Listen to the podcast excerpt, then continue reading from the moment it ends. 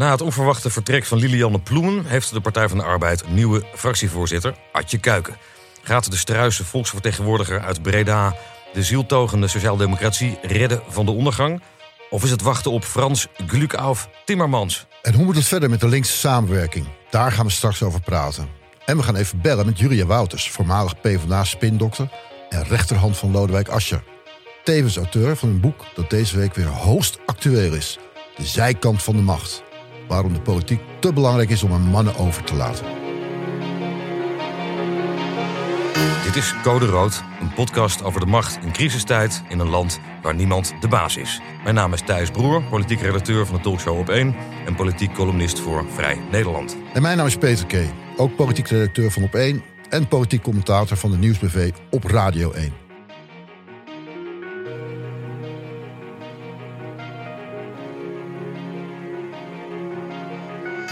Maar eerst Sigrid Kaag, die andere vrouw in de politiek, leider van D66.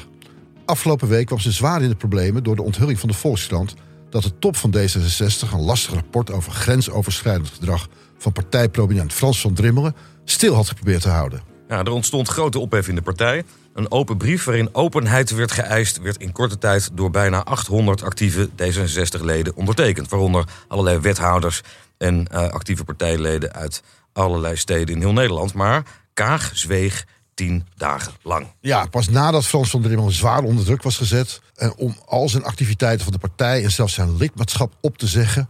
hield ze een persconferentie. En dat klonk zo. Ik vind het niet lastig om het hier te zeggen. Maar als ik zo kijk, de hele week, over de casus zelf... heb ik het soms het idee dat het meer over ophef gaat en minder over de slachtoffers. Ik vind het niet moeilijk om mijn excuses aan te... Ik vind het niet moeilijk om het excuses aan te bieden. Het spijt mij. Dat is dieper nog dan zeggen ik excuseer me voor iets. Het spijt me ten diepste en ik neem het mezelf kwalijk. En ik bespreek dat graag met het slachtoffer. Dat is voor mij veel fundamenteler. Oké, okay. jij hebt de Persco gevolgd. Net als ik trouwens en een heleboel andere politieke aficionado's. Hoe is het uh, Kaag vergaan? Wat was jouw indruk? We hebben toch anderhalf uur aan de buis gekluisterd gezeten. Ja, toch ook, denk ik? Ja, het was weer heerlijke televisie. Ja. Jezus, Mina. En ja, het was ook wel een pijnlijke aangelegenheid. Dat spijtbetuigen, ja, ze deed het met grote woorden, zoals je net ook hoort. Ja. Maar ja, je zag steeds, je moest toch steeds als je twijfelde of ze het nou echt meende, of het uit de grond van haar hart kwam. De mensen om haar heen bezweren van wel, dat ze het echt. Uh, maar de, de ergernis over de aanwezige journalisten en de vragen die zij stelden, die lag er ook wel duimen dik boven. Nou, dat hoorde je zelfs in dit fragment. Hè? Op het moment dat ze er spijt, diepe spijt uitdrukt, praat ze nog met stemverheffing over vragen uit de zaal heen. Ja, en vinden journalisten dan minder sympathiek. Ja, en bovendien begint ze dan over de ophef, toch? Die veroorzaakt wordt ja, dat door. ook niet zo handig. Terwijl inmiddels toch wel is gebleken dat D66 het zelf ook niet zo heel handig heeft aangepakt. Nee, en dat, op het moment dat je dan door het stof gaat, moet je zo diep door het stof dat mensen medelijden met je krijgen. Precies. Dat is de les van een hele wijze spindokter in Den Haag. Exact, maar het tegenovergestelde was het geval omdat ja. ze per saldo zo vormelijk en, en stijf en zo boven de partijen probeerden te blijven. Dat mensen er eigenlijk vooral kwalijk namen dat ze, dat ze geen menselijkheid liet zien. Precies, dat gebrek aan empathie, dat, dat, dat blijft er maar achtervolgen. En het is natuurlijk wel, ja, zoals steeds wordt gezegd, ze heeft de lat hoog gelegd. Uh, dat citaat van Madeleine Albright, wat was het ook weer? Wat was het ook weer? Ja, maar dat, eh, dat komt erop neer dat, uh, dat als je niet opkomt voor andere vrouwen, dat je dan in de hel belandt. Oh, dat was het, ja. Ja, ja, ja. ja en in dit geval, je voelt nergens dat ze is opgekomen voor die vrouw. Nee, want het uiteindelijk detail was dat onder andere door de Volkskrant eh, naar voren is gebracht, is dat ze alleen maar een paar sms'jes heeft beantwoord van de, de, het slachtoffer in kwestie. Um, en dan nooit gebeld heeft, zelfs. Met een soort vormelijk argument, namelijk nee, daar ga ik niet over, daar gaat de partij voorzitter over het partijbestuur. Heb jij ooit in je leven een persconferentie meegemaakt waar zo fel en zo hard door de pers gereageerd werd? Nee, dat heb ik nooit eerder gezien. En, uh, maar dat, ja, je kunt je ook afvragen. Dat heeft natuurlijk te maken met, uh, met het lange zwijgen. Ja. Je, je zag hoe uh, Natalie Wright en Avi. Avi Nashbiki. Als een dolle tekeer gingen. ja, goed. En die zaten al tien dagen te wachten op antwoorden. Ja. Dus die snap dat die wat getergd waren. Ja. Maar een aantal collega's gingen er ook spijkerhard in. Ja. Um, de stemming werd steeds grimmiger. Naarmate die antwoorden ontwijkender werden, uh, gingen die journalisten er alleen maar harder bovenop. Ja, maar goed, de wijze Ron Vrezen die vandaag afscheid neemt van het journaal, die, die vindt dat het ook deels aan de journalistiek ligt. En dat we onverbiddelijk zijn geworden met z'n allen. En als een kluitje op, uh, op de slachtoffers duiken, op de verdachten duiken. Uh, het gaat hard, hè? Het gaat iedere keer wel heel erg hard. Ja, dat is waar. Er gaat elke keer weer een tandje bij voor mijn gevoel. Dus het wordt ook steeds lastiger om als politicus überhaupt overeind te blijven. Ja. De jongen, dat hebben we hier vaker besproken, heeft bij zijn afscheid er nog, ook nog over geklaagd. Dat er een cultuur van wantrouwen om zich heen. En dat deed hij ook meteen weer de volgende dag bij, bij het uh, inlopen van, het, uh, van de ministerraad. Begon hij er ook weer over. Ja. Had hij misschien toen even niet moeten doen. Dat was misschien niet de meest geschikte nee. timing. Maar, ja, dat, dat is hier natuurlijk ook weer het probleem. De journalistiek gaat dan meteen terug zeggen: ja, maar jullie hebben het er zelf ook naar gemaakt. Doe dan niet zo geheimzinnig. Geef dan meer openheid. Geef dan direct antwoord op vragen. Ja, vooral als je een partij bent die transparantie hoog in het vaandel heeft. Die, uh, waarvan je zegt: van ik kom altijd op voor vrouwen en vrouwenrechten. En daardoor ook veel vrouwen zijn geweest die op die gestemd hebben dan zijn de verwachtingen ook hoog gespannen. En ik denk dat je dat ook zag van oké, jullie zijn altijd zo open voor openheid en jullie zouden het zo anders doen. En jullie doen het precies zo als al die partijen het altijd gedaan hebben. Ja, dat is waar. Ja, wat nu ook weer bleek. waar deze zaak nou eigenlijk om ging, waarom het begonnen was in ieder geval, is dat Frans van Drimmelen, uh, partijprominent zoals hij nu genoemd wordt, die al 30 jaar bij D66 betrokken is in allerlei functies. Vooral ook als een van de getrouwen van Alexander Pechtel... die daaraan heeft gewerkt met een klein clubje... onder wie Ingrid van Engelshoven bijvoorbeeld. En Gerard Schouw, die, Gerard Schouw, vier. De, de zaak te professionaliseren. Um, Frans heeft uh, onder andere um, een, uh, een soort platform opgezet voor ondernemers. Uh, een, een, een, talentklasje om serieus aan scouting te doen. Um, hij hoorde bij het kringetje Intimi dat eigenlijk al heel lang het voor het zeggen heeft in, in D66. Dat heb ik altijd heel interessant gevonden aan die partij. Dat het een partij is die van oorsprong al vanaf het allereerste begin zich erop liet voorstaan een partij te zijn van transparantie, van openheid, van democratie, van interne democratie, van iedereen mag altijd meestemmen. Maar waar tegelijkertijd een heel klein clubje getrouw het uiteindelijk altijd voor het zeggen heeft gehad. En ook wel kadaverdiscipline, vind je niet? Want die fractie, dat, eigenlijk moet je ook allemaal dezelfde stropdas aan hebben en hetzelfde pak. Ja, dat is waar. Maar niet, en niet uit de bocht vliegen. Nee, nee, een, nee een, van, een, van de, een van de slachtoffers die van de week uh, zich kenbaar heeft gemaakt, uh, naam schiet me even niet te binnen, zat bij Jinek. Daar kijk ik nooit naar natuurlijk. Ja, die, die Marleen. Uh, Precies, die, die, die, vertelde ook dat ze, uh, dat ze nooit had durven zeggen dat ze een HBO-opleiding had. Zo corporaal is de sfeer dus uh, in ieder geval een deel van D66. Dat je daar al voor zou moeten schamen dat je niet universitair geschoold bent. Ik vond het een, niet een heel groot verwijt. Maar ehm, dat is misschien wel een beetje het sfeertje. Maar goed, wat ik zeg wou is, kijk, ik denk dat het een cultuurtje is ontstaan. Nu, deze Frans van Drimmelen dus had op een gegeven moment een relatie, een buitenechtelijke relatie van anderhalf jaar met de toenmalige directrice van het partijbureau. Waar hij intensief mee te maken had. Omdat hij daar als, uh, als man van het talentenklasje regelmatig binnen moest lopen natuurlijk. Toen heeft zij het uitgemaakt. En dat kon hij niet verkroppen.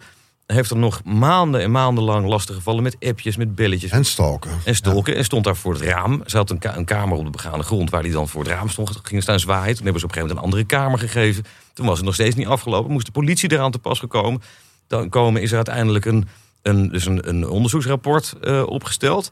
Waarin werd vastgesteld dat hij weliswaar uh, in het openbare deel daarvan, althans werd gezegd dat hij zich niet schuldig had gemaakt aan uh, uh, seksuele intimidatie, althans niet in de juridische zin. Mm -hmm. en ook niet aan machtsmisbruik, want er was niet, geen sprake van een machtsverhouding. Nee, want ze zaten op hetzelfde niveau, zeg maar. Precies. Ja. maar in het, in het niet geopenbaarde deel van het rapport was glashelder de conclusie getrokken dat het wel degelijk grensoverschrijdend gedrag was. En dat bleek dus uit die, uit die publicatie van de Volkskrant. En wat gebeurt er, gebeurde er vervolgens? Ik, wat ik denk is dat, uh, is dat de partijtop uh, in de tijd uh, Frans van Drimmel daar wel heeft aangesproken. Dat is ook wel bekend. Dat Alexander Pechtold hem op een gegeven moment op het matje heeft geroepen en gezegd... Frans, nu moet je, moet een keer ophouden, dit gedonder. Met alle respect voor je liefdesverdriet, maar zo gaat dat niet. en dat ze daarmee dachten, daar zal de kous wel mee af zijn. Want Frans is eindelijk een goede jongen, hij is een van ons. Ja, dat, dat ze gedacht hebben, nu, nu, hebben, nu hebben we het wel opgelost. Ja, precies. En eh, dat werd natuurlijk ook heel erg zo gezien. Het is het kleine clubje, uh, je hoort bij ons. Uh, Sigrid Kaag is ook, was ook, uh, leunde ook sterk op Van Drimmelen. Precies. Hij zat in haar uh, denktankje. Maar toen ontstond dus de onmogelijke situatie dat er verder helemaal niet is ingegrepen. Dus Frans mocht nog steeds voorzitter blijven van het talentenclubje. En moest dus nog steeds binnenlopen op het partijbureau... waar het slachtoffer nog steeds zat. Die toen uiteindelijk vertrokken is... omdat ze klaar mee was met deze Precies. situatie. Ja. En dus is opgestapt. Ja, en dat uh, is het grensoverschrijdend gedrag waar ze nu op terugkomt, omdat ze eigenlijk toch tegelijk nog wil, wil halen. Ja. En uh, zich ja, verdreven voelt door Van Drimmelen. Ja, precies. Wat er feitelijk gebeurd is, dat is toch moeilijk te ontkennen. Ja. Maar in dat kringetje, dat we al net noemden, dat kringetje van getrouwen rondom Alexander Pechtold, Carla Paus er bijvoorbeeld een van, is een naam die bijna niemand kent. Maar zij was in de tijd al uit de rechterhand van, van Hans van Mierlo. Gaat al die jaren al mee. Was ook, is ook een van de fluisteraars van Sigrid Kaag. En nou, dat is er een. Ingrid van Engelshoven, uh, Gerard Schout tot, tot enige jaren geleden worden er ook bij. Dat kleine, in dat kleine kringetje. Um, heb, hebben ze, ik heb ze een beetje rondgebeld. Um, is, de, is de stemming dat er een hele nare hetze tegen Sigrid Kaag wordt gevoerd door de pers. Waar die arme Frans van Drimmelen ook de dupe van is. Omdat hij, dat hij, al, hij had al spijt betuigd. Hij had zich niet meer misdragen. En nu is zijn hele carrière naar de knoppen. Dus hij wordt gebruikt met drie, in een, studerende campagne. kinderen.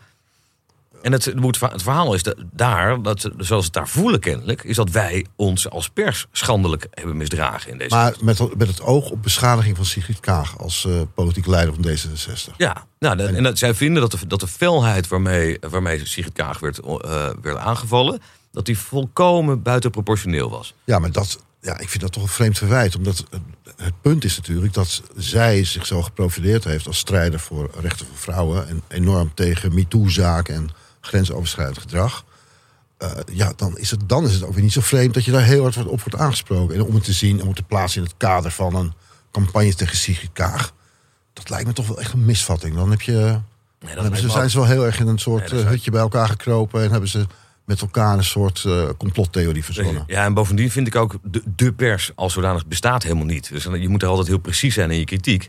De Telegraaf is natuurlijk al jaren met een, eh, met een hitse bezig tegen, tegen Kaag. Ja, maar ook net zo hard tegen, tegen Jesse Klaver. Dus dat is, in, dat, in opzicht maakt het niet zoveel. Nee, dat is waar. En ik vind het zelf eerlijk gezegd niet zo vreemd dat de pers hier kritische vragen heeft gesteld. En, dat, en, dat je, en wat je Kaag ook wel echt kan kwalijk nemen, vind ik, is dat ze te weinig, zo weinig menselijkheid heeft getoond hierin. Ja, en ook zelfs nu nog niet heeft gebeld met die vrouw. Uh, en dat toen niet uh, sterk heeft opgepakt. Maar goed, daar heeft ze een excuus voor nou, En allerlei, allerlei jonge leden voelen zich in die partij ook buitenspel gezet en niet gehoord. Hè. Dat zat ook achter die open brief voor een deel. Jonge mensen die zich hier zorgen over maken, maar eigenlijk aan de kant werden geschoven. Ik heb van de week nog gesproken met Jelle Ages, initiatiefnemer daarvan.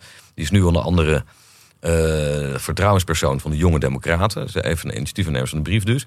Die heeft in 2016 al geprobeerd aan de kaak te stellen tijdens een partijbijeenkomst.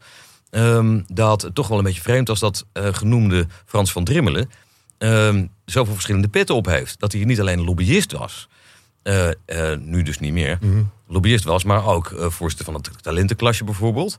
Um, en in wat voor verantwoordelijkheid loopt zo'n man daar rond? Weet je, wat, is, wat is het antwoord geweest toen op zijn vragen? Nou, toen werd bij die bijeenkomst hebben, werd hij eigenlijk op zijn nummer gezet door Alexander Pechtold en, en Tom de Graaf, die toen samen voor het zeggen hadden in de partij.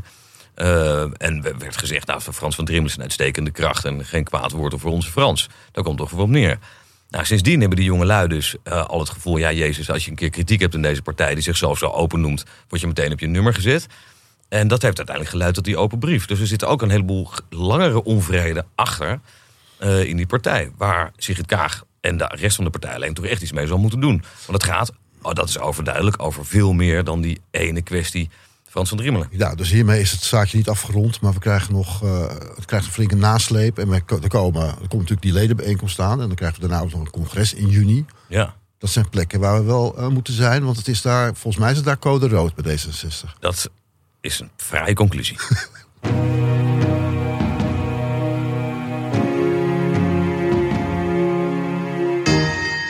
En dan de nieuwe fractievoorzitter van de Partij van de Arbeid. Vandaag is het bekend geworden. Vorige week maakte Liliane Ploemen out of the blue bekend dat ze terug zou treden als partijleider van de Partij van de Arbeid. En dat klonk zo. Nagedacht was ook best wel een moeilijk besluit. Maar ik heb besloten om terug te treden, omdat ik vind dat um, ja, die rol als partijleider, ja, dat, die past me eigenlijk niet goed genoeg. Ja, het opstappen van Ploemen. Thijs, jij bent een uh, enorme Haagse deskundige man die de wandelgangen van binnen en van buiten kent. De Partij van de Arbeid altijd doorgrond heeft. De meest prachtige interviews heeft gemaakt met Max van Wezel. Met partijkopstukken. Jij zal dit aan hebben zien komen. Nou, nee. Eigenlijk totaal niet. Ik denk dat er helemaal niemand was die dit aan zag komen. Er was eigenlijk binnen de partij heel weinig openlijke kritiek op Ploemen ik heb daar af en toe wel iets over gehoord. Dat er, dat er wel een beetje frictie was in de fractie. Ja, het gonste wel af en toe hoor. Als je een beetje met die jongens sprak. Het was wel een beetje gedoe. Maar ja. ik, had, ik, had, ik had geen enkel idee dat ze, dat ze er zo'n harde conclusie uit zou trekken voor zichzelf. Ja, je... de, de kritiek die al hoorbaar was, is dat ze, wel, dat ze zich wel had omringd met een heel klein clubje vertrouwelingen. Dat ze weinig eh, oog had voor wat er verder in de fractie leefde. En dat ze, toen ze de fakkel overnam van Lodewijk Asscher... die, eh, die eh, moest vertrekken uit de politiek... eh, omdat hij door zijn eigen partij schuldig werd verklaard... aan een deel van de toeslagenaffaire. Hij moest dus weg, terwijl Mark Rutte er nog zit. Groot onrecht in de wereld natuurlijk. Ehm, sinds zij dus de fakkel overnam... heeft ze keer op keer beloofd dat ze met een nieuwe koers zou komen. Ja, en die kwam maar niet, hè? En die kwam, kwam maar niet. Nee. En ik Geen vond ook dat, ze- dat de leuke Lilian Ploen opeens verdwenen was. Vanaf het moment dat ze aantrad als voorzitter. Ik bedoel, het was al zo'n ontzettende fijne flap uit in de wandelgangen. Waar je ook echt Je kon er- plezier mee kon hebben. Ja, je kon, je Schaterlachend. kon altijd met haar appen Ja. en bellen. En dan was ze altijd, oh gezellig. Oh, oh. Ja, en opeens was ze bevrozen en was ze ongeveer niet meer toegankelijk. Precies. Ik hoorde later wel dat ze intern al aan een aantal mensen had gezegd... dat ze niet nog een keer als lijsttrekker zou gaan eh, optreden bij de verkiezingen. Eh, dus dat was al wel bekend. En in een kleiner clubje heeft ze toen tien dagen van tevoren of zo laten weten... Twee weken van tevoren zei, zei Henk Nijboer, die zat in dat klein clubje met Kati Piri... Heeft ze tegen hun gezegd van nou, ik ga ermee stoppen. En ehm, eh, wat vinden jullie ervan? En dat heeft ze een paar meer mensen in gekend een paar dagen voor ze vertrok. Het is nog steeds een klein clubje. En op, toen heeft ze op maandag tegen een aantal mensen gezegd... ik heb de conclusie getrokken. En ook Jesse Klaver gebeld. Ik stapte mee de volgende dag. Heeft ze pas aan de fractie verteld. Hè, de Nou precies, daar waren de overfractieleden ook niet blij mee. Dat die dus vi- via de band hoorden dat Jesse Klaver het eerder wist dan zij zelf. Ja, En dat is, natuurlijk, dat is het enige dat ze natuurlijk wel van de grond heeft gekregen. Namelijk die linkse samenwerking. En ze was zoveel met Jesse Klaver bezig dat ze de rest het oog verloor. Dat zou je toch wel kunnen zeggen. Eh, Ja. linkse samenwerking wordt zoals je weet al 30 jaar over gesproken. Dat komt eigenlijk nooit van de grond. Hè. Ik bedoel, eh, onder, onder, onder eh, Cohen was er al sprake van. Die stond toch een beetje onhandig op een podium op een gegeven moment. Met, met toenmalige SP-leider. Eh, Asscher moest er uiteindelijk ook niet zoveel van hebben. Dat had ook iets plichtmatigs, dat hij, als hij er met Jesse stond. Ik was nog bij de bijeenkomst in Amsterdam-Noord... waar ze dan samen een plannetje bekend maakten. Ja. Dat is eigenlijk alleen maar onhandig. Je voelde alleen maar het ongemak eigenlijk. Nou, dat is dat, wat, je, wat je Ploemen moet nageven... is dat ze wel met veel energie en overtuiging... aan die linkse samenwerking... zeker. Nou, lekker in, eh, in het tuinhuisje ging zitten met Jesse Klaver... en een eh, plannetje in elkaar toverde. Ja. Dus eh, nou, daar zat zeker enige liefde in. En de, en de doorbraak, dat is wel bijzonder dat ze die doorbraak veroorzaakt heeft. Enigszins onder druk van de formatieperikelen natuurlijk, maar toch maar Dat gebeurd. is waar. Ze werden in elkaars armen gedreven, zou je kunnen zeggen. Ja. Eh, alleen het vervolg eraan geven, dat gebeurde ook niet. Dus het is eh, misschien niet door haar, maar ook door tegenwerking in de fractie, dat kan. Maar uiteindelijk een, een, een klap erop geven, dat moet nu de opvolger gaan doen. Maar vanmorgen kwam dus het bericht dat de PvdA-fractie Adje Kuiken heeft gekozen tot nieuwe fractievoorzitter. Zo klonk dat. De PvdA-fractie heeft vanochtend een nieuwe fractievoorzitter gekozen en dat is Adje Kuiken. Ik ben blij en dankbaar dat ik de steun heb gekregen van eh, onze fractie. En ik ben ook heel erg dankbaar, eh, dankbaar voor Henk en het feit dat hij ook zijn vinger heeft opgestoken. Want ook hij is en was een fantastische kandidaat. Maar natuurlijk ben ik blij met de steun die ik heb gekregen van, eh, ons, van onze fractie. Zo mooi hè, dat Henk Nijboer zelf haar aankondigt. En zegt, hier is onze nieuwe fractievoorzitter. Adje Kuiken. Terwijl we weten ook wel dat Henk wel een traantje gaat laten. Deze... Ja, daar was enige zelfoverwinning van nodig eh, bij Henkie. Had jij, had jij zelf gedacht dat zij het zou worden, Adje? Een paar weken geleden toen dit begon te spelen? Eh, nee, want ik weet nog dat ik erbij was in de gang toen, eh toen Ploemen had afs- afscheid had genomen. Toen ben ik even langs gegaan in de wandelgang bij de Partij van de Arbeid. En wie zat daar in zijn beste kledij, helemaal klaar voor de opvolging? Henk Nijboer. Naast de spindokter van Adje Kuiken. Samen op een bankje, commentaar gevend. En ik vroeg nog, nou Henk, ben je nu beschikbaar? Nee, vandaag ga ik daar geen antwoord op geven. Vandaag is de dag van het afscheid van Lirianne. Maar komen daar later op terug. Vandaag nog niets. En tegelijkertijd, Weet jij wel hoe laat het was? ja, het spatte er vanaf. Gewoon. De, de ambitie spatte van het bankje af gewoon. Eh, daarop, kort erop liep ik de gang in. En daar liep eh Adje Kuiken rond. op de gimpies deze keer. Ik bedoel niet die, die staalhoge hakken van haar, eh, die we wel van de kennen. En die prachtig gelakte nagels. Maar ze was in informele kledij. Kwam ook omdat zij niet wist. Zij zat niet in het complot. Zij wist niet dat Ploemen zou opstappen. Oh, die was ook Die dag. gehouden. Die werd overvallen, eigenlijk. Oh. En die, die liep daar wat eh ja, ontredderd door die gangen. Eh daarop zag ik Corine Ellemeet binnenkomen in de gangen. Die, die trok haar mee de toiletruimtes in. De tweede vrouw van GroenLinks. Ja, en die gingen daar even konkelevoesen. Eh ik denk dat dat, nou, wellicht zit daar een soort vriendschap of zo. Die zullen het daar ongetwijfeld over gehad hebben. Wat ga jij doen? En daarna heeft het eindeloos lang geduurd voordat Adje zich kandidaat stelde. En ik vroeg Ja. me af, gaat ze dat wel doen?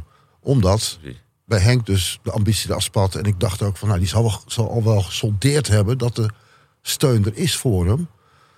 Maar het moment dat Adje het bekend maakte dat ze het wel ging doen, toen dacht ik ook wel van, oké, dan is het geregeld. Want Adje is niet zo dom dat ze de nek uitsteekt, terwijl, die, terwijl ze weet dat die wordt afgehaald. ik ook. En ik heb eerlijk gezegd vanaf het begin, ook lang voor bekend was dat, eh, dat Henk hier zich op zou gaan werpen.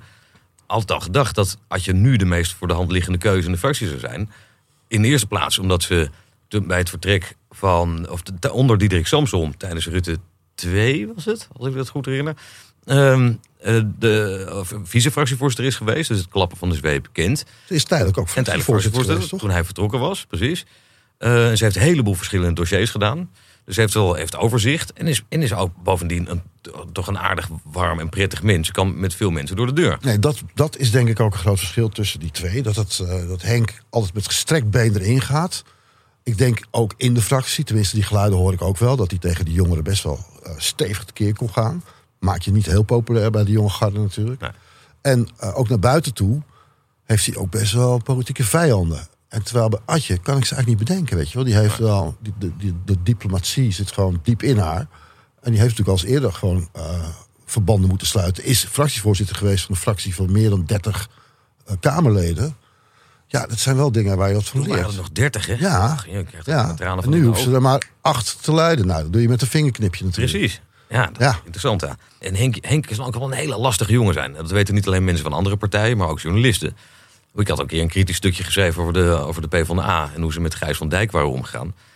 En toen, eh, toen weigerde, eh, weigerde Henk bij, bij ons hier in de podcast te komen. Althans, niet vanwege jou, maar vanwege mij. Hij wilde wel met jou praten, maar niet met mij. Ja, ik heb toen nog gesuggereerd dat jij een keertje thuis zou blijven. Maar dat, dat mocht niet van Tom Aalmoes. Heel belachelijk. Ja, dat dan. ging er niet door. Ja. Dat ging niet door natuurlijk. Ja, ik heb verder ook geen telefoontje van Henk gehad. Maar goed, hij is toch niet de baas geworden. Dus dat maakt verder niet zoveel uit. Adje Kuiken dus. Ehm, wat kunnen we van haar verwachten? Wordt, ze, een, wordt ze een tussenpauze? Nou, kijk, zij zegt van niet. En we, we- we geloven haar natuurlijk op haar woord. Maar ja, als ze zou zeggen, ik ben de tussenpaus. Ja, dan ben je ook alweer bijna weg. Weet je wel, dat kun je helemaal niet zeggen. Hallo, ik ben de tussenpaus. En we wachten wel tot een nieuwe eh, eh, lijsttrekker zich aandient. Nee, dat werkt natuurlijk Nee, niet. pas op de winkel. Ja, dus, zo, dus je zegt, ik ben de komende leider. En ze zal ook de best doen om dat waar te maken. Eh, en ze heeft drie jaar de tijd om zich op de kaart te zetten. Nou, als ze dat goed doet en populairder wordt dan Sigrid Kaag... wat in deze tijd best zou kunnen... nou, dan heb je de kans dat, dat ze zich ook echt serieus kan aandienen. Eh, maar ik vermoed dat als, zoals Timmermans of Marjolein Moorman zich aandienen... en de partij staat nog steeds op tien zetels in de peilingen... dat ze in staat is om plaats te maken. En ik denk dat ze dat makkelijker zal doen dan Henk Nijboer dat gedaan zou hebben. Dus, want die was ook wel, die meende het echt dat hij geen tussenpauze was, maar die wilde echt vol voor de erfenis Ja. van Drees en Den Uyl gaan. Ja, ja precies. Nou, en ik denk dat ze dat ook bij de partij wel in, zo inschatten. Ja, en het is, en het is, het is nogal een last op je schouders hè, als, eh, als leider van de Partij van de Arbeid. Er is, zoals we weten, is er natuurlijk al decennia getop. Eigenlijk sinds het eerste Paarse kabinet, toen eh, Wim Kok nog oppermachtig was in Nederland, grootste partij. Eh, onder Diederik Samsom veerde het nog even op. Hè, met tot gevolg het, eh, het kabinet van, eh, van Rutte met, met Samsom. Dat ze toch eigenlijk nog best lang hebben volgehouden. Daarna is het totaal in elkaar gelazerd. Heeft Asscher zich aangediend als eh, uitdager van Samsom. Terwijl hij zelf eigenlijk ook in dat kabinet zat. Wat een hele wonderlijke situatie was. Heeft Asscher het gewonnen. Maar leed vervolgens de grootste nederlaag in de geschiedenis van de Partij van de Arbeid. En daar is de partij eigenlijk nog steeds niet overheen. Asscher vervolgens, we hebben het net al gezegd, eh, eh, zag zich gedwongen om terug te treden vanwege zijn betrokkenheid bij het toeslagenschandaal. Toen liep Ploemen zich al warm, eh, ook met weinig succes. En nu mag Adje het dus proberen. Nou ja, ze heeft beloofd dat ze nu met een, met een plan gaat komen... waar Ploemen niet aan toe is gekomen... maar dat ze wel met een idee gaat komen... oké, hoe moeten we verder? Ja. Dat ze die linkse samenwerking gaat opzoeken, dus met GroenLinks... dat verder gaat uitwerken... Maar- en dat ze liefst ook nog andere partijen erbij betrekt. Nou, dat- Wat dan weer klinkt alsof de fusie toch niet zo heel erg nabij is. nee, nee, want op het moment dat je de SP erbij wil gaan betrekken, wordt het zo veel ingewikkelder dat er waarschijnlijk niks van terecht komt. Ja. Het zou een strategische eh, keuze kunnen zijn. Dus. Ja, we halen de SP erbij zodat we zeker weten dat het in elkaar dondert. Precies. Ja, Ja, dat kan. exact. En er is ook wel wat voor te zeggen. Weet je, ik, ik, de linkse samen, het samenwerken op links is, lijkt me heel verstandig. Maar fuseren als een soort van sprekende uitkomst van het proces, dat is volgens mij ook de dood in de pot. Want waar, waar stem je dan nog op? Nou ja, dan kun je, dat weet je dat je op. Programmatisch zitten die partijen niet zo ver uit elkaar. Het zijn- is alleen een heel andere doelgroep. Dus dan zou je oud en jong nog met elkaar kunnen verbinden. Ja, En ik denk dat er wel enige behoefte is aan vermindering van de versplintering. Ja, dat Dus- is, ja, op zichzelf is dat heel begrijpelijk. Aan de andere kant is het ook helemaal niet uitgesloten dat zich weer zo'n wonder voltrekt als onder Diederik Samsom in de tijd, waar de Partij van de Arbeid gewoon de, de tweede partij van het land werd. En dat Am- Omdat- Ahmed Abu Talib 45 zetels gaat halen. Dat zou zomaar kunnen. Ja. Of denk je dat Abu Talib dat echt serieus bereid is te gaan doen? Dat wordt al jaren gezegd. Ik ben vaak op congressen geweest dat zijn naam weer eens rondgronsde. Dan kwam hij daar binnen als de pasja. Allemaal journalisten eromheen. Oh, en dan zei hij vo- volkomen vrijblijvende dingen met zo'n minzaam glimlachje. Oh, dat is op dit moment niet aan de orde. Ja, nee, ik denk dat hij dat zelf, dat hij zelf nog best zou willen als er een beroep wordt gedaan. Maar we, ik, wij weten allebei dat hij niet mega populair is in de, in de, in de top van de partij. Of in de, dat, dat, ze ook wel, dat ze weten dat het ook een lastige man is. Dat is hij ook. Timmermans is het ook, maar ik denk dat Timmermans, dat, dat, de kans groot is dat die het doet en denkt. Nou, die kan precies zo zijn termijn nog uitdienen volgens mij, Ja. tot 2024. Ja, die kan keurig zijn termijn Dan kan hij zich keurig melden van, nou jongens, eh, ik, oh, ik word gevraagd, jullie smeken of ik naar Nederland terugkom. Nou, weet je wat? Ja, precies. Want Er moet wel de rode lo- loper uitgelegd Precies. worden voor Frans. natuurlijk. Hij gaat het niet zomaar doen nou, van, eh, vanuit dat grote Brussel. En dan hebben we eindelijk eens een leider van, met een leeftijd die ze in Amerika gewoon, nog eens een jonkie in Amerika nog. Precies. En zoals we allemaal weten is, eh, is Frans Timmermans een, eh, een vurig sociaaldemocraat. Ik denk dat, als hij, dat hij het op, als een kroon op zijn werk zou kunnen zien... als hij de redder zou zijn van de sociaaldemocratie in Nederland. Ja, en dat geheel onbaatzuchtig, dat is ook heel fijn.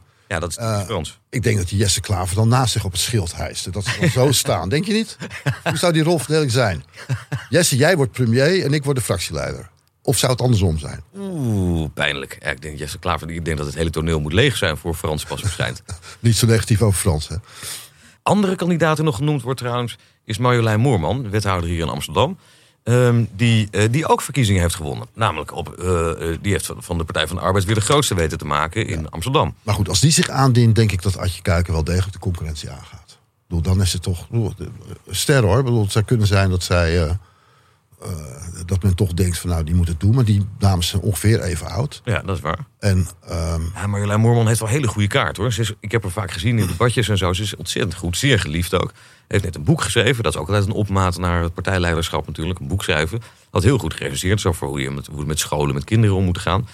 Het zou mij niks verbazen als die op een gegeven moment een gooi doet naar het eh, partijleiderschap. nee, dat. eh, En wat ook interessant was, vorige week pleitte ze, mo- ja, uitgerekend Moorman, samen met Frans Timmermans in de krant voor verdere linkse samenwerking. Dus dat waren de twee hofnoemstreger van de partij die elkaar opzochten. Ja, ik begreep, eh, ik, ik was er wat eh, sceptisch over, omdat ik dacht van nou, dit is een soort sollicitatiepoging van de, de twee eh typetjes. Maar het bleek dat dat stuk al een tijdje in de pijplijn zat. En dat het niet per se voortkwam omdat Ploemen nu een stapje terug. Maar nee, het was stom toeval allemaal. Zoiets. Soms gebeurt dat in de politiek. Maar over dit alles moeten we misschien toch nog eens gaan bellen met iemand die er echt verstand van heeft. Ja, dat lijkt me heel goed, want ik heb zo lang naar jou moeten luisteren. Het kan beter, denk ik. Wie zullen we eens gaan bellen? ik denk meteen aan Julia Wouters dan. Zowel kenner van de Partij van de Arbeid als deskundig op het gebied van vrouwen in de politiek. Nou, precies. Want jarenlang verkeerde ze in de coulissen van de macht als rechterhand van Lodewijk Asscher, net al genoemd. Eerst toen hij wethouder en local burgemeester was in Amsterdam. Later als toen hij minister was van Sociale Zaken, vicepremier en leider van de Partij van de Arbeid. Ja, en in in Den Haag wist ook iedereen wie ze was. Want eh, terwijl ze zelf op de achtergrond bleef en dat ook het liefst eh, zo, zo hield. Ja, totdat dat ze, dus, vinden? tot- ja, totdat ze in 2018 dus een boek schreven, wat je net al noemde, De Zijkant van de Macht. Prachtige titel trouwens, De Zijkant van de Macht. Waarom de politiek te belangrijk is om aan mannen over te laten. Een fijne boosmaker. Ja, en een hoogst actueel onderwerp nu juist Sigrid Kaag onder vuur ligt. En de Partij van de Arbeid opnieuw een vrouw tot fractievoorzitter heeft gekozen. Precies, en sinds enige tijd maakt ze ook samen met een andere Haagse fluisteraar, we kennen hem allemaal nog wel, Jack de Vries van het CDA, de podcast De Spindokters. En jij kent hem wel uit de Haagse wandelgangen, toch? Zeker, zeker. Eh, vaak, het is altijd fijn om met Julia te, te- even te raadplegen over de situatie. En ik heb ook nog wel eens iets moois met haar meegemaakt. Ik brandde Lodewijk Asscher een keer voorkomen af op eh, Radio 1. Ehm, vanwege, meen ik, die kwestie rond denken en zo, weet je wel. Dat, eh, dat had hij in mijn ogen helemaal verkeerd aangepakt. En ja, soms kun je politie dan enorm op de tenen trappen... en dan zeggen, dat ze dan zeggen, ik kom nooit meer in jouw programma. En Julia, die appt me... eh, Oké, ja, streng verhaal, maar je hebt helemaal gelijk. Nou, dat vind ik zo mooi, weet je wel. Dat, eh, dat, gewoon, dat de spindokter zegt van ja, terecht dat je dat zo, eh, zo eh, aanvloog. Ja, het is altijd fijn om gelijk te krijgen, maar al helemaal van een spindokter. Precies. Terwijl die normaal toch altijd weer hun eigen eh, stofzuigertje probeert te verkopen. Precies, mag ik daar even mijn eigen versie tegen aanhouden? Maar ik ben wel benieuwd hoe juist deze Julia Wouters, want daar hebben we het over, naar de persco van Kaag zou hebben gekeken. Ja, en ik ben heel benieuwd wat ze vindt van de keuze voor Atje. Want ja, Julia kennende zal ze echt een enorme fan van Henk Nijboer zijn geweest. En hoe moet de PvdA worden gered? Daar Daarom. heeft ze vast ook een idee over. We kunnen het haar allemaal vragen. Even bellen met Julia Wouters.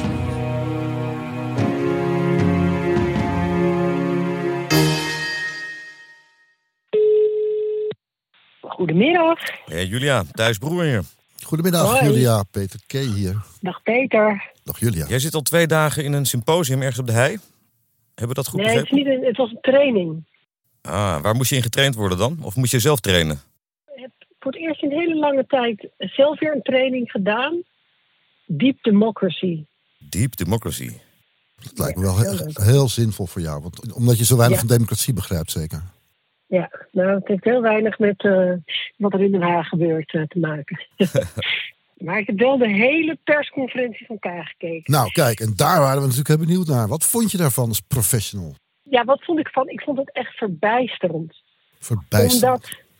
Omdat, eh, nou ja, als ik als communicatieprofessional, als ik zo'n soort van persconferentie met iemand zou doornemen en voorbereiden, dan zou ik denken: oké, wat is er heel belangrijk? Welke vragen leven er? Wat zullen nou mensen die thuis op de bank zitten of daar in de zaal zitten, wat zullen die zich nou het allermeeste afvragen? En daar moeten we dan in ieder geval een antwoord op hebben, of uitleggen waarom we daar geen antwoord op hebben. En ik had eigenlijk meer vragen aan het eind van die persconferentie, waar echt heel veel vragen gesteld werden en iedereen steeds kribbeliger was, dan aan het einde. Dus er waren op he- heel veel hele essentiële vragen. Had ik ook niet een glimpje van een antwoord. Ik snapte er helemaal niks meer van. Wat is er nou gebeurd? Hoe heeft dat nou kunnen gebeuren? En ja, ik werd er agressief van, merkte ik gewoon. Ja, dat merkte je aan de, aan de pers ook. Hè? Dus die, je zei het zelf Ja. al, de sfeer wordt steeds kribbiger. Dus de vragen willen steeds harder en feller. Doe, Heb je, heb je dat Ja. ooit eerder meegemaakt in al die jaren? Dat een persconferentie zo uit de hand liep? Nou, ik heb veel mensen eh, horen zeggen dat ze dat nog nooit niet mee hebben gemaakt. En wat heel moeilijk is, is als jij daarnaast een bewindspersoon zit, dan ervaar je het vaak zo hoor. Dus nu stond ik aan de andere kant. Ik denk dat er vaak kritische vragen zijn waar je buikpijn van krijgt. Ehm, en ik, je moet ook niet vergeten dat ik in de coulissen stond toen Diana Matroos Lodewijk Asscher bij het Carré-debat onder handen nam. En daar was ik daarna fysiek echt misselijk van. Ehm, dus ik, ik, ik weet niet waar ik het in een historisch perspectief moet plaatsen, maar het was heel heftig. Dat in ieder geval. Maar als jij nu naast Kaag had gestaan, dan was je dus echt kotsmisselijk geworden, denk ik. Ja, Wat, had je nou, Ja. wat waren nou je allerbelangrijkste adviezen geweest aan haar dan? Want je, je weet het precies, hoor ik zo. Maar nou kijk, ehm, er zijn een aantal dingen die mensen zich afvragen. En die werden niet letterlijk gevraagd, maar die zitten onder de vragen die er zitten. Dus hoe kan het nou dat er twee rapporten zijn met verschillende conclusies die totaal verschillen van elkaar? Hoe kan dat überhaupt? ja. En hoe kan het dat als in het ene rapport dus iets anders staat, dat je daar een week over doet om dat opnieuw te wegen? Dus oké, we moesten het opnieuw wegen en dat moest zorgvuldig. Hoe kan dat? Hoe kan het dat je, die ergens van beschuldigd wordt, een jaar geleden helemaal zich laat vrijpleiten? Dus ik, ik heb zelf ook nog weer eventjes die verklaring die toen op de website van zijn eh, eh, lobbykantoor stond erbij gepakt. Van, ja, eh, daar werd gesproken over anonieme insinuaties. Hè, dus de vrouw in kwestie werd daar echt best wel een beetje nog verder vernederd. En het was allemaal niet waar. En dus Frans van Drimmelen kan weer gewoon lekker verder. En hoe kan het dat het nu helemaal zwart is? Dus eerst was het helemaal wit en nu is het helemaal zwart. Hoe kan dat? Ja, maar dan zeggen ze het vertrouwelijk gedeelte. Dat zijn de antwoorden die dan gegeven worden. Dat was nodig, want ook de vrouw wilde daar eh, anonimiteit over. Wilde niet dat het naar buiten kwam. Eh, juridisch allemaal afgekaart. Dus eh, allemaal, allemaal goede redenen om dat deel vertrouwelijk te houden. Is dat, vind je dat een rare redenatie dan? Nou, maar, Peter, de, de onderbouwing, hoe je tot een conclusie komt, die is waarschijnlijk voor 80% vertrouwelijk. Ja. Dat heb je altijd Ja. met dit soort Ja. dingen, omdat de vrouwen in kwestie zich heel erg kwetsbaar voelen. Hier ging het ook nog over een buitenechtelijke relatie. Dus dat je precies helemaal hoe je tot een conclusie komt, dat je dat vertrouwelijk houdt, dat begrijp ik heel goed. Maar dat je de We hoeven conclusie... niet deze naam te de naam van de, van de melders te weten. We hoeven niet precies te weten wat er gebeurd is. Maar er is maar één conclusie mogelijk. Iemand heeft iets gedaan wat wel oké is, of iemand heeft iets gedaan wat niet oké is. Je kan niet een conclusie trekken eh, in een vertrouwelijk gedeelte die zegt het was helemaal fout, en een conclusie in het openbare gedeelte niks aan de hand. Dat kan niet. Nee. En- Wat heeft dit gedaan dus- met het moreel leiderschap van, van eh, Sigrid Kaag? Waar ze zich altijd zo behoorlijke- heeft. ja, dit heeft een behoorlijke knauw gegeven. Vooral ook om.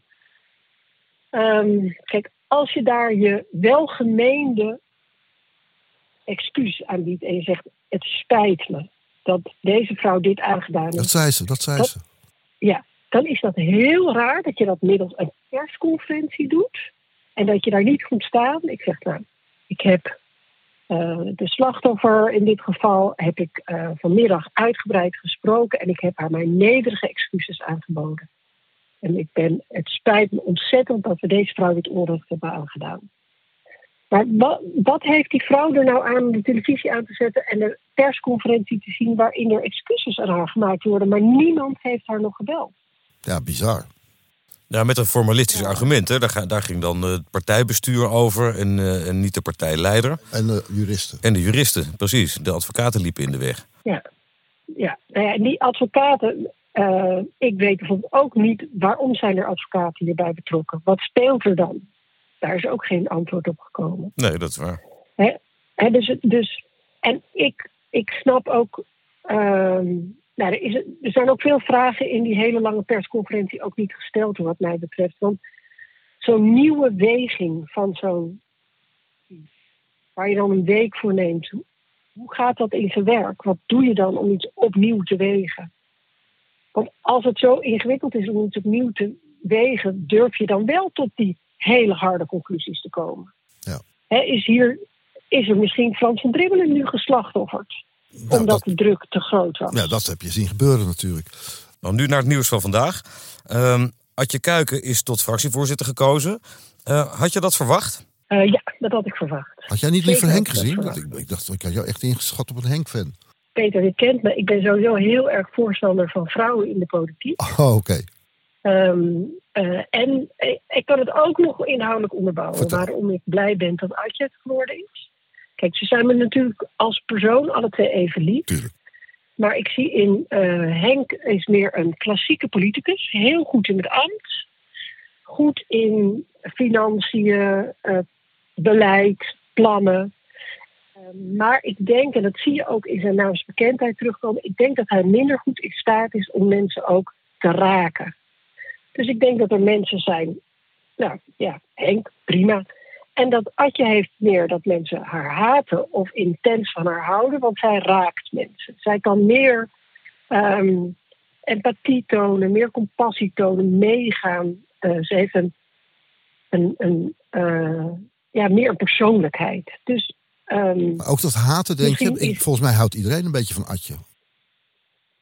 nou, er zijn mensen, eh, moet je maar op Twitter kijken nu, er zijn ook mensen die daar, daar anders over denken. Op Twitter te- te- nemen we niet heel serieus, toch? En wat is, wat is, Nee, eh, maar wat is denk- Adjes grootste valkuil in de komende jaren? Wat, waar moet ze nou echt op passen? Ehm, laat ik het anders zeggen. Ik, wat ik denk dat haar te doen staat, en dat is ook wat ze kan leren van eh Liliane Ploemen. Ik denk, en dat las ik ook in haar verklaring, ik denk dat ze er heel goed aan doet om het een team effort te maken. Dus natuurlijk is zij nu de fractievoorzitter en de baas, maar er zit in die fractie zit er gewoon heel veel expertise, wijsheid, eh, hele verschillende persoonlijkheden. En ik denk dat eh, ze er goed aan doet om niet te denken dat alles bij haar ligt en alles ook uit haar moet kunnen. Dat zij en expert op dit en op dat en de beste die beter en fantastisch in zaaltjes. Maar dat ze veel meer eh, zich moet beseffen dat de PvdA is nu een kleine partij. En er staan dus allemaal hartstikke goede mensen die op verschillende manieren, op verschillende momenten in kan zetten. En dat je daar ook op moet vertrouwen. Ik denk dat Ploemen te veel het gevoel heeft gehad dat ze het allemaal zelf moest kunnen. Dus zij vond zichzelf geen acht. Ehm, en dan denk ik, nee, op sommige punten ben je een tien, op sommige punten ben je een zes. Ja, Ploem had, En maar gelukkig heb je andere ja. mensen om je heen die daar weer heel erg goed in Ja, zijn. Ploem had een beetje te klein clubje om zich heen. Eh, Ik denk dat Adje heel goed in staat is om eh, te delegeren en zo. Maar wat op, opvallend was, dat ze ook zei... ik ben geen tussenpaus. Ze stapt niet opzij als Frans Timmermans zich meldt, denk je? Nee, maar kijk, ik, ik denk dat je moet nooit aan zo'n klus beginnen als tussenpaus. Want dan heb je al helemaal geen hiërarchie. Je moet erin gaan omdat je die volle zwaarte van, dat, van de verantwoordelijkheid van die functie wil dragen. Net als bij Ajax, zeg maar. Net als in topsport. Ja, je moet ervoor gaan. Zeg, ehm, welke partijleider zou nou toch het best zijn voor de Partij van de Arbeid... als het op de verkiezingen aankomt? Is dat Adje, Timmermans, Marjolein Moorman... of misschien toch de terugkeer van Lodewijk Asscher? Ik zou het heel raar vinden als Lodewijk nu al terug zou keren. Nee, over drie Daar jaar. heeft iedereen steeds over. Maar dan is het ook heel raar dat hij afgetreden is. Ja, Ehm, dus, dus die kunnen we en schrappen. ik, ja, en ik denk dat het. eh, ehm, ik, ik sluit niet uit dat hij ooit nog weer een keer iets gaat doen. Maar dat- daar moet echt wel even tijd overheen gaan. Ik zie hem nog terugkomen als minister. Ehm, en, en wat ik heel moeilijk vind aan de ideale leider. Ehm, is dat je kan de ideale leider hebben op een moment. die op een volgend moment niet meer de ideale leider is. Ik denk dat we dat heel erg met Job Cohen hebben zien Ja. gebeuren. Dat was de ideale leider als de anti-Wilders die het land verbond. Maar toen ging de eh, verkiezingen gingen opeens over de economie en bezuinigingen. Ja, toen was hij helemaal niet de ideale leider. Ja, en dat hij, dat hij de prijs van een pak melk niet meer wist en zo. Ja, en da- dan had hij natuurlijk moeten zeggen: eh, nee, maar dat boeit me ook niet, want eh, dit is waarom ik de politiek in ga. Maar opeens was het frame dat je alles van de economie moest eh, weten. En dachten mensen dat een pak melk zei of je wel of niet wat van de economie eh verstand En vond, vond jij het, hij is op een gegeven moment teruggetreden. Heeft toen ook ruiterlijk gezegd in die, in die persconferentie daar in de kelder van het partijbureau, waar we allemaal bij waren, dat, hij, dat, hij, dat het toch geen geschikte plek voor hem was. Dit toch niet op zijn plaats was in die Haagse slangenkuil. Iets soortgelijks heeft Ploemen nu gezegd. Hè, dat, ze, dat ze niet op een plek was, dat ze toch niet helemaal in zich had, het partijleiderschap. Vond je dat, Ja. vond je dat een dap, dapper van ze dat ze dat allebei hebben durven zeggen? Nou, ik hou sowieso heel erg van eerlijkheid en oprechtheid. Dus ik vind het ook heel fijn dat Adje nu heeft gezegd dat ze het best spannend vindt. Ik weet niet wat de precieze bewoording was. Maar in haar verklaring staat dat ze het ook een spannende stap vindt. Nou, daar hou ik van. Ehm, maar ja, ik maak me wel zorgen over dat mensen steeds sneller zich eh, een conclusie voor zichzelf trekken dat ze iets niet kunnen. Ik heb ooit de grote eer gehad om heel lang ehm, Wim Kok hierover in een groep hoor te spreken, over hoe zijn eh, start was. Hij, hij beschreef zichzelf als een eh, fractievoorzitter met twee linkerhanden. Hij had geen idee waarmee hij bezig was. Hij wist niet hoe hij met het media om moest gaan. Hij, niets lukte hem. Hij had de, de hele eerste periode het gevoel dat hij totaal op de verkeerde plek zat. En uiteindelijk is hij toch gewoon een, een behoorlijk succesvol premier van ons land geweest. nou, die heeft inderdaad een aanlooptijd nodig gehad. Ehm, Nou, dus- met Frits, Ja. eh, Frits Bolkestein ging het op dezelfde manier. Alexander Pechtold ook. Ja. Die sloeg in het begin ook geen deuk in een pakje boter. Maar die hebben allemaal wel de tijd genomen en kennelijk ook gekregen om te groeien in die rol. Maar zeg je nu eigenlijk ook dat Ploemen te snel de handdoek in de ring heeft gegooid? Voor mij persoonlijk wel. Dus ik had haar zeker nog een jaar. Als ik haar was geweest, had ik mijzelf zeker nog een jaar gegund om er beter in te worden. Ehm, want ja, ook dat eerste jaar, wat was dat nou voor jaar? Er was geen. Ze wist niet of ze nou een oppositiepartij was of misschien een coalitiepartij ging worden. Dat duurde ontzettend lang. Dus hoe je je nou positioneert en of je ook al verdieping en verbreding in jouw kennis kan krijgen, ja, dat is ontzettend moeilijk op zo'n moment. Ze heeft wel één ding wel voor elkaar gekregen. Dat is dat ze de- voor het eerst die linkse samenwerking in... eh, in, Ja. in- dus daar mag, je, mag ze trots op zijn. Denk je, Ja, dat, nou, dat, heel- denk je dat dat nou echt voor elkaar gaat komen? Dat, er, dat PvdA en GroenLinks bij de volgende verkiezingen één partij zijn? Nou, dat weet ik niet. En het was ook niet haar doel om bij de volgende verkiezingen één partij te zijn. Dus hoe, hoe, hoe lang dat proces gaat duren om tot een samensmelting te komen, ja, dat weet ik niet. Dat is ook niet aan de po- politiek leider. Hè. Wij zijn een, eh, de PvdA is een, een, een verenigingspartij. Hè. Dus niet zoals eh, Wilders die dat gewoon in zijn uppie kan bedenken. Dus zo'n zoiets moet groeien. Ehm, maar ehm, Eh, daar heeft zij een hele belangrijke eerste behoorlijke grote stap in gezet. Ehm, en, maar dat soort dingen hangt ook van persoonlijkheden af. Dus ja, persoonlijk denk ik dat tussen Atje en uh, Jesse het waarschijnlijk beter gaat boteren dan tussen uh, Jesse Henk Nijboer en Jesse. Ja, dat denken wij allemaal ook. Ja. Ja. ja, maar dat zijn relevante dingen Zeker. voor zo'n proces. Ja. La- laatste vraag. Wat zou je, wat zou je Adje wensen eh, in de komende jaren in, met die beproeving die er wacht? Ik zou wensen dat ze zich heel goed realiseert dat zelf doen niet hetzelfde is alleen, als alleen doen. En dat ze mensen om zich heen verzamelt die er helpen. En ehm, juist om zichzelf die tijd te gunnen om steeds beter te worden in wat je moet doen. En ben je zelf beschikbaar als adviseur? Zeker, ik heb mijn hulp al aangeboden. Je kan me altijd bellen. Oké, genoteerd. ja. ja, Dank, dankjewel Julia. Goed weekend. Dankjewel hè. heel goed weekend jullie ook. Zeg Thijs, wat denk je? Menen ze dat nou serieus, eh, Julia? Dat ze wel adviseur wil worden van, eh van Adje? Ja. Was dat een grapje? Nee, volgens mij niet. Nee, volgens mij is dat, was dat bloedserieus. Oké, dat is, dat is op, wel op, opmerkelijk, want ze is inmiddels is het toch tv-duider en zo. eh. Ja, ze is al drie, vier, vier jaar of zo weg uit het, politieke, de politieke arena, zoiets. Ja, mag je toch een soort objectiviteit en neutraliteit verwachten. Maar dat- Precies. Dat, dat, dat viel me toch wel op. Ja, opmerkelijk. Ik dacht, dat een geintje de laatste vraag. Gaf ze nog serieus antwoord ook. Ja, nou ja, of, of ze maakte toch een geintje, maar nou, in ieder geval opmerkelijk. Ja, misschien is het er ook een soort diep gevoelde vrouwensolidariteit of zo. Ze, ze zei al aan het begin van het gesprek. En dat is ook de strekking van het boek trouwens. Dat vrouwen elkaar meer moeten bijstaan in de, in de politiek. En dat vrouwen meer plekken, meer ruimte verdienen in dat nobele ambt. Ja, dat zij, hoort dat zij daar weer de- een rol in wil de spelen. betrokkenheid van de beide partijen van de arbeid vanaf spatten natuurlijk. Ja, Dus wat dat betreft is het, natuurlijk, is het niet helemaal weg van de roots. nee, dat is ook zo. Ja. We zijn hier getuigen van de rentree van Julia Wouters. We hebben nieuws. In de coulissen van de macht. Julia Wouters komt terug als spindokter van eh Adje Kuiken bij de Partij van de Arbeid. Ja, nu moet Adje alleen nog even ja zeggen. Dus één stapje te gaan. Eén stapje te gaan. Dit was Code Rood, een podcast over de macht in crisistijd in een land waar niemand de baas is. Code is een productie van Dag en Nacht Media.